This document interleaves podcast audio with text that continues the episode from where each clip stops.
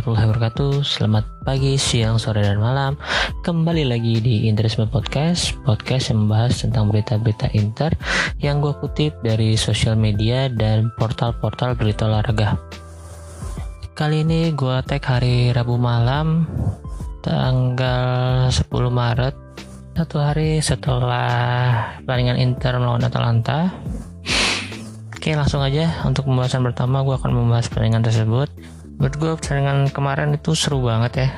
Uh, walaupun Inter nggak terlalu mendominasi kalah secara possession dan lain-lain.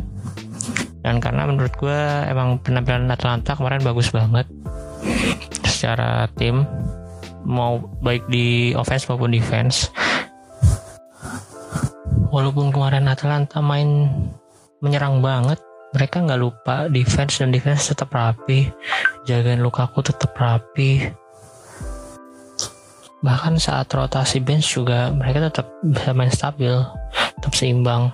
Tapi di sisi lain uh, Inter juga meresponnya dengan defense yang sangat bagus ya. Cukup compact rapet eh, nggak uh, terlalu membiarkan pemain-pemain tengah Atalanta leluasa memegang bola. Kebanyakan mereka main dari pinggir terus untuk backnya juga si Rafael Toloy uh, ikut membantu menyerang. Back uh, tiga mereka memakai tiga back uh, Rafael Toloy Romero dan Jim City. Hal itu membuat si Lautaro cukup bertahan cukup dalam hampir di depan kotak penalti. Dan Lautaro juga main bagus ya uh, dari segi defense membantu banget mengcover sisi kiri Inter yang mereka coba eksploitasi. Untuk man of the match kalau gue rasa semuanya akan milih Skriniar sih. Di luar golnya bahkan kalau dia nggak golin pun dia bisa defense dengan bagus ya. Jaga Zapata dan Gosen gak banyak peluang dari mereka. Zapata pun kalau gue lihat kayaknya cuma satu ya yang benar-benar peluang peluang matang ya. Cuman untuk hari ini si Barella memang kurang perform. Cuman kurangnya dia pun masih bagus sih. Kalau untuk standar pemain inter-inter yang lain. Ya makanya semoga untuk ke depannya kalau si Barella kurang perform Conte berani masukin pemain-pemain lain. Seperti Sensi atau Vesino yang udah mau sembuh sih kalau Taro nggak jelek sih menurut gue dia defense bagus cuman waktu fast break decisionnya udah benar. Cuman salah passing uh, passingnya kurang pas. Kayak waktu yang momen sampai Barella agak ngamuk-ngamuk itu sebenarnya tuh udah bagus banget kan. Ya Inter seperti biasa mencoba melakukan pola counter attack lagi ya kalau melawan tim-tim yang sangat ofensif kayak Atlanta kemarin. Cuman hasilnya untuk kali ini masih kurang karena si Jim City juga jaga. Jaga Romero Lukaku bagus. Apalagi si Romero itu gue gue kasih kredit untuk yang hampir jadi gol keduanya tuh hampir jadi gol kedua Inter yang peluang Mas Lukaku setelah si Jim City kalau nggak salah kalau reset Romero, uh, Romero bisa tackle bolanya bersih menurut gue bersih banget itu dan kalau gue perhatiin kemarin Conte juga ngelakuin sesuatu yang jarang ya yaitu masukin pemain di awal-awal babak kedua di tepatnya di menit menit ke 52 dia masukkan Erikson menggantikan Vidal. Dan hasilnya sih inputnya langsung bagus ya. Walaupun nggak direct langsung dari Erikson sepak pojok yang dilakukan Erikson membuat kemelut di kotak penalti Atalanta dan bolanya bisa diambil Bastoni dan dioper ke Skriniar entah sengaja atau tidak sengaja dan Skriniar langsung menendang ke arah kanan bawah kiper Atalanta yang gue kira yang akan main adalah gol ini ternyata si Sportiello. Setelah unggul di menit 56 kalau nggak salah Inter terus ditekan eh nggak sempet ya. Kejadian yang tadi yang Lukaku ngambil bola slip dari Jim City itu masih di sekitar menit ya 60-an ya. Nah cuman ke menit ke 70 ke atas kayaknya Inter udah udah ditekan habis-habisan sama Atalanta. Cuman memang defense Inter lagi bagus. Erikson secara defense bagus banyak-banyak clearance. Terus akhirnya Conte melakukan pergantian yaitu masukin Gagliardini, Damrosio, dan Darmian untuk menggantikan Brozovic, Hakimi, dan Perisic. Dari situ gue udah ngira kalau pasti Conte akan mempertahankan hanya satu gol dan tetap mengandalkan counter attack yang waktu itu si Lautaro juga udah ditarik digantikan oleh Alexis Sanchez cuman sih emang lebih fokus di defense ya dan Gagliard ini juga tampil cukup bagus karena seenggaknya dia bisa ngerecokin lah pola-pola penyerangan Atalanta Nah, alhamdulillahnya si Gagliard ini nggak ngerecokin tim, cuman kali ini emang bener dia ngerecokin mantan timnya. Nah, semoga aja di pertandingan berikutnya dan pertandingan selanjutnya sampai akhir musim pertahanan Inter tetap bagus kayak kemarin dan secara offense tapi tetap mematikan ya. Maksudnya bisa mem maksudnya bisa mengkonversi peluang-peluang yang emang harus jadi gol dengan efektif begitu aja deh untuk uh, review pertandingan Inter versus Atalanta kemarin yang bertepatan juga dengan hari ulang tahun Inter Milan yang ke-113 yaitu pada tanggal 9 Maret. Dan alhamdulillahnya kado untuk kali ini cukup bagus. Bagus banget malah karena bisa mendapatkan 3 poin penuh di GSP Piazza dan juga tetap menjaga jarak di puncak dengan selisih 6 poin. Uh, selanjutnya kali ini kayaknya gue akan coba flashback sedikit tentang beberapa pertandingan Inter yang dimainkan sekitar tanggal 9 Maret beberapa selama lima tahun terakhir. Maksud uh, nggak nggak selalu pas 9 Maret sih kadang kadang-kadang tanggal sebelumnya atau sesudah 9 Maret itu. Untuk yang pertama yaitu tahun kemarin musim 2019-2020 pada tanggal 8 Maret tahun 2020 itu Inter bertanding melawan Juventus dengan skor akhir 2-0 pertandingan itu cukup kontroversial ya. Sempat terjadi cekcok walaupun ada pertandingannya digelar tanpa penonton. Sampai-sampai menit ke 79, 79 si Padeli yang di bench sampai dapat kartu merah karena protes saat itu Inter berada di posisi ketiga sedangkan Juventus di posisi pertama di posisi puncak. Gol dari Juventus diciptakan oleh Aaron Ramsey gol pertama di menit 54 dan Paulo Dybala di menit ke 67 Padahal secara statistik Inter nggak buruk-buruk amat. Untuk possession hanya kalah 54% melawan 46%, total shoot hanya kalah 6 selisih 6, shoot off target sama-sama 7. Corner pun hanya selisih 1. Fallsnya memang banyak sih. Dan pada akhirnya di musim tersebut Inter beras hanya berhasil untuk berada di posisi kedua hanya selisih satu poin dari Juventus dengan poin 83 sedangkan Inter hanya 82 poin. Dan menjadikan hari ulang tahun di musim kemarin kurang baik ya karena kalah dengan rival rival abadi. Oke untuk selanjutnya di musim 2018-2019 pada tanggal 10 Maret atau satu hari setelah ulang tahun Inter bertanding melawan Spal dan berakhir dengan skor 2-0 gol diciptakan oleh Matteo Politano dan Roberto Gagliardini. Oh tumben tumben ya nih Gagliardini. Untuk pertandingan ini sih nggak ada yang terlalu menarik dan hasilnya pun memang di atas kertas. Inter main cukup mendominasi. Total shoot spal cuma satu dan itu pun off target corners mereka memang cukup banyak yang menarik sih tadi dengan itu starter yang mengisi posisi AMF masih diisi oleh sang baginda Joe Mario yang masih mencoba Spalletti sembuhkan ya waktu itu setelah dia berhasil menyembuhkan si Brozovic.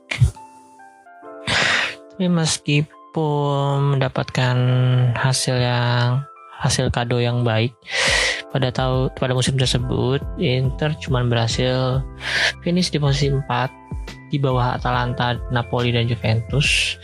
Padahal uh, untuk poinnya sama dengan Atalanta tapi kayaknya kalah ini ya kalah head to head memang pada musim itu Atalanta secara ofensif juga bagus cetak gol terbanyak musim itu deh kayaknya Atalanta Oke selanjutnya di musim 2017-2018 pertandingan digelar pada tanggal 11 Maret dua hari setelah Inter ulang tahun. Uh, Inter melawan Napoli dengan hasil 0-0 dengan ini cukup membosankan ya karena secara permainan pun Inter didominasi oleh Napoli.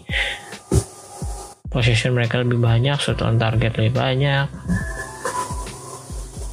Ini memang lagi diserang terus tuh dan musim itu memang Napoli lagi bagus ya karena pada akhir musim Napoli berhasil finish di peringkat 2 dengan poin 91 hanya selisih 4 poin dari Juventus dengan poin 95 sedangkan Inter cuma berhasil finish di posisi 5 musim itu dengan poin 72 lagi-lagi poinnya sama dengan posisi posisi 4 si Lazio. Dan berarti pada musim itu Inter gagal. Eh sorry sorry enggak ya. Pada musim itu Inter berada di posisi 4 dan akhirnya Kak bisa balik lagi ke UCL lewat gol dramatis dari Matias Vecino di akhir-akhir di injury time babak kedua menjadikan skor 3-2 melawan Lazio. Oke, untuk selanjutnya kita lanjut mundur ke musim 2016-2017. Nah, musim ini menurut gue paling menarik ya, paling lucu ya. Setelah pada tanggal 12 Maret Inter berhasil menang melawan Atalanta yang saat itu berada di posisi 6 sedangkan Inter berada di posisi 5 Inter menang dengan skor 7-1 loh. 7-1 gue cukup kaget juga sih Inter waktu saat itu bisa menang 7-1 karena pada pertandingan dua pertandingan sebelumnya itu lawan Roma Inter sempat uh, kalah cukup besar juga kalah 3-1 dari Roma tapi bisa bounce back di pertandingan selanjutnya. Melawan Cagliari menang 1-5 dan di pertandingan Atalanta ini menang lagi 7-1 gue inget banget di pertandingan ini ada dua orang yang mencetak hat trick pertama ada Banega dan siapa lagi kalau bukan Mauro Icardi. Satu gol lagi itu digolin oleh Gagliardini mantan pemain Atalanta sendiri. Menariknya Icardi bisa hat trick melawan Atalanta hanya dengan 6, 26 menit. Mencetak hat trick selama, hanya selama 9 menit yaitu dari gol pertama dicetak menit 17 gol kedua ke menit 23 gol ketiga cetak di menit 26 kemudian untuk Banega dia mencetak gol keempat di menit 31 gol kelima di menit 34 terus gol keenam cetak oleh Gagliardini di menit 52 kemudian Banega menyempurnakan hat trick ya dengan mencetak gol direct free kick di menit 68 Sedangkan untuk Atlanta hanya berhasil membalas satu gol lewat Remo Fruller di menit 42. Padahal saat itu Atlanta masih diisi pemain-pemain bagus kayak Petanya, Papu Gomez juga lagi on fire. Waktu itu Yasmin Kurtik dan ada andalan tim sebelah AC Milan sekarang Frank Casey, andalan Roma Spinazzola, terus. Backnya masih ada Caldara Toloy juga. Dan selain itu yang bikin menarik lagi setelah pertandingan menang lawan Atlanta 7-1 itu Inter kayak dikutuk nggak menang dalam 8 pertandingan berturut-turut. Yaitu kalah sebanyak enam kali dan seri sebanyak dua kali. Kayaknya semenjak itulah uh, fans-fans Inter udah mulai kayak menghindari kalau Inter habis menang besar itu agak takut kalau pertandingan selanjutnya hasilnya akan negatif biasanya sejak musim itu. Tapi Inter akhirnya baru bisa menang di pertandingan ke-9 dan melawan Lazio tapi itu pun kayaknya setelah uh, pelatihnya udah diganti ke caretaker Stefano Vecchi ya. Makanya untuk para fans AC Milan ya jangan kaget ya kalau emang Pioli agak naik turun. Karena di Inter pun sempat bisa menang 7-1 lawan Atlantanya Gasperini. Dan akhirnya pada musim itu Inter cuman berhasil finish di peringkat 7 di luar zona Europa League. Dan saat itu kayaknya terakhir kalinya Inter finish uh, dengan posisi di bawah AC Milan. Sampai sekarang kayaknya belum pernah lagi kan dan semoga musim ini pun begitu. Inter di satu Milan di dua nggak apa-apa lah musim ini. Dan langsung untuk yang terakhir kita mundur ke musim 2015-2016 masih zaman zamannya dipegang sama Roberto Mancini nih. Di pertandingan yang berlangsung pada tanggal 12 Maret 2016 tiga hari setelah Inter ulang tahun pada tahun itu Inter berhasil memenangkan pertandingan dengan skor 2-1 melawan Bolonya yang waktu itu berada di posisi 9 sedangkan Inter di posisi kelima. Sebenarnya di sini nggak ada yang terlalu menonjol atau menarik ya. Karena pertandingannya ya berjalan normal-normal aja. Gol pertama dicetak oleh Ivan Perisic menit 72 gol kedua dicetak oleh The Saint Daldino Ambrosio di menit ke 77 sedangkan golnya hanya bisa membalas satu gol melalui Franco Brienza menit ke 89 menarik di sini sih menurut gue skuadnya waktu itu menurut gue cukup bagus. Karena ada pemain-pemain yang gue suka juga ya. Main pinjaman kayak ada Melayik dan waktu itu kayak Perisic juga baru ditransfer atau satu musim ya. Uh, gue lupa deh terus ada Kondok Bia yang waktu itu masih bagus-bagusnya sih waktu itu. Kondok Bia eh belum deh. Kondok Bia mulai bagus setelah si Gagliardini masuk juga tuh. Ini kayaknya masih awal-awal gue sayangkan ya. Waktu itu pada ada Alex Teles tapi nggak bisa dimaksimalkan dengan baik ya. Di posisi left backnya malah diisi Nagatomo waktu itu yang main reguler. Alex Telesnya ya sayang banget ya. Kalau lihat sekarang Alex Teles bisa jauh improve banget. Di musim itu Inter berhasil finish di posisi keempat lumayan jaraknya lumayan jauh sama posisi ketiga yaitu 13 poin. Posisi ketiga ada Roma posisi kedua Napoli Juventus yang pertama. Poinnya Roma aja ada 80 Inter posisi keempat cuma 67 dan saat itu posisi keempat belum dapat jatah Liga Champions ya masih jatah Europa League. Oke itulah hasil pertandingan Inter di lima tahun terakhir di hari ulang tahunnya ya bisa dibilang ya karena hanya selisih beberapa hari. Sebenarnya ini sih ya penting gak penting sih cuman gue hanya me merimain atau flashback sedikit. Uh, dan ngingetin kalian kalau harus tetap optimis dan bersyukur bahwa di tahun ini hadiah ulang tahun untuk Inter cukup bag maksudnya dari Inter untuk kita fans ya bagus lah bisa di posisi pertama dan tetap dapat tiga poin penuh. Dan gue akan ngucapin selamat ulang tahun untuk klub kesayangan gue yang nggak pernah pindah-pindah ya dari dulu. Gue cuman suka klub Inter Milan. Nggak pernah fokus ke klub-klub liga lain ya. Cuman liga Italia doang. Dan itu Inter Milan satu-satunya Terima kasih udah menemani gua sampai gua berusia 26 tahun sekarang. Walaupun kadang-kadang cukup ngeselin ya klub ini. entah dari pemain atau manajemennya cuman sekarang sih udah positif ya dari segi dari segi tim mereka udah bonding banget udah kompak mau baik di ruang ganti atau di atas lapangan dan harapannya dari gue sih semoga eh semoga tahun ini benar-benar lah jadi tahunnya Inter bisa mengambil Scudetto kembali dari tangan Juventus. Setelah ya 10 tahun nggak mendapatkan gelar apa-apa kecuali ICC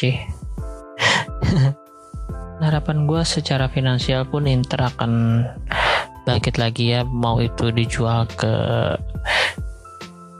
perusahaan mana pun atau tetap dipegang Suning tapi ada beberapa persentase sahamnya dibeli oleh mau dari Inggris atau Amerika ataupun Arab. Kita di sini cuma bisa berharap uh, hasilnya atau manajemen bisa terus berbenah dengan baik terus untuk uh, sponsor tahun depan pun semoga nilainya cukup besar. Dan kalau untuk pribadi sih semoga Inter bisa buka Inter Store di Indonesia.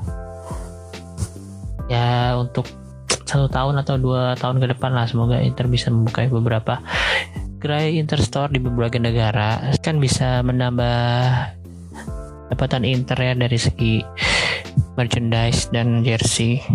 Karena gue bingung ya kalau sekarang mau beli produk-produk Inter selain jersey itu di mana? Kayak sweaternya tuh gue suka banget tuh yang kemarin Natal terus kaos-kaosnya yang tahun baru Cina.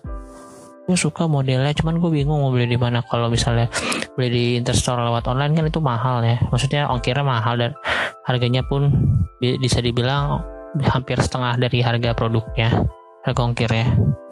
Oke deh untuk kalian yang mau ngasih atau mau berbagi harapan-harapan kalian tentang Inter di tahun ini dan tahun depan boleh langsung reply di Twitter gua. Kita sharing sama-sama. Gimana harapan kalian?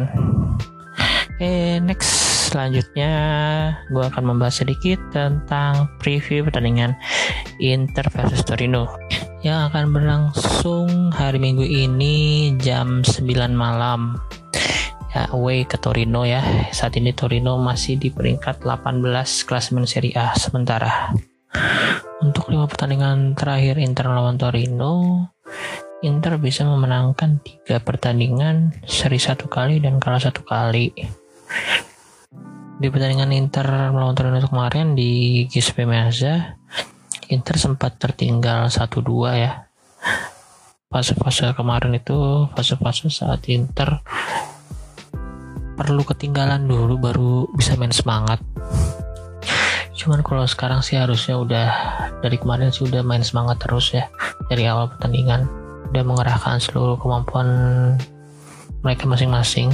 Apalagi sekarang untuk merebut posisi starting lineup cukup sulit ya mereka saling bersaing jadi pasti di latihan pun akan selalu memberikan yang terbaik dan saat dipilih jadi starter pun pasti mau menunjukkan yang terbaik dari menit pertama kalau sekarang. Untuk perkiraan formasi versi Gazeta gak banyak berubah dari pertandingan sebelumnya hanya Erikson yang kayaknya akan tampil dari menit pertama lagi.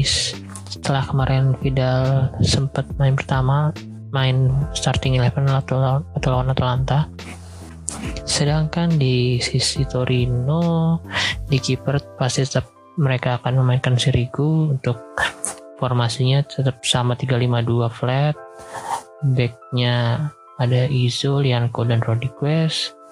Sayapnya ada Ansaldi dan Vojvoda tangannya ada Gojak, Mandragora dan Kick. Untuk strikernya cukup menarik ya Belotti masih diragukan tampil jadi kemungkinan akan Sanabria dan Zaza yang mengisi starting line up selain Belotti sebenarnya ada juga pemain yang cukup merepotkan yang kayaknya absen pertandingan besok yaitu Singgo Singgo ini yang dadanya sempat ditendang oleh Yong pada pertemuan pertama kemarin yang menghasilkan penalti jadinya kalau benar Singgo nggak main ya kayaknya harusnya sih Perisik bisa manfaatkan kekurangan sisi kanan Torino. Dan semoga Persik gak main turun lagi seperti kayak waktu lawan Parma. Selain Belotti dan Sisingo itu ada satu lagi yang kemungkinan diragukan tampil yaitu Nkolo back yang waktu di pertandingan pertama menyebabkan penalti.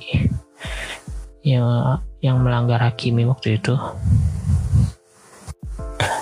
Untuk prediksinya sih kayaknya Torino karena masih di posisi ke-18 pasti akan berusaha mencari poin.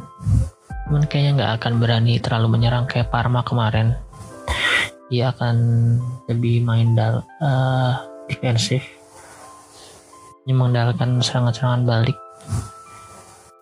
Pemain yang harus diwaspadai di sini ada Mandragora dan Lutik ya kadang-kadang Zaza juga bisa cukup merepotkan.